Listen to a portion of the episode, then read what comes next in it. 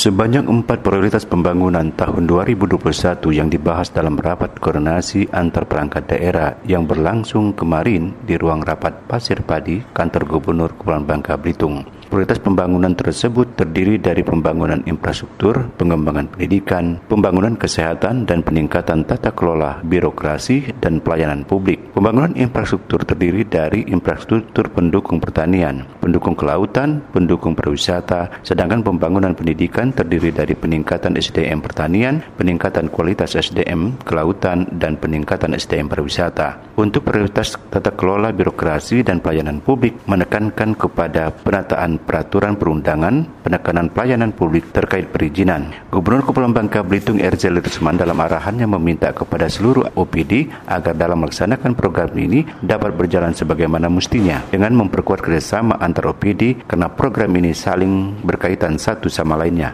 Untuk membuat kebijakan tersebut, saya ingin para kepala OPD tidak bekerja hanya berdasarkan kepada tupoksinya kalau berdasarkan tupoksi itu wajib.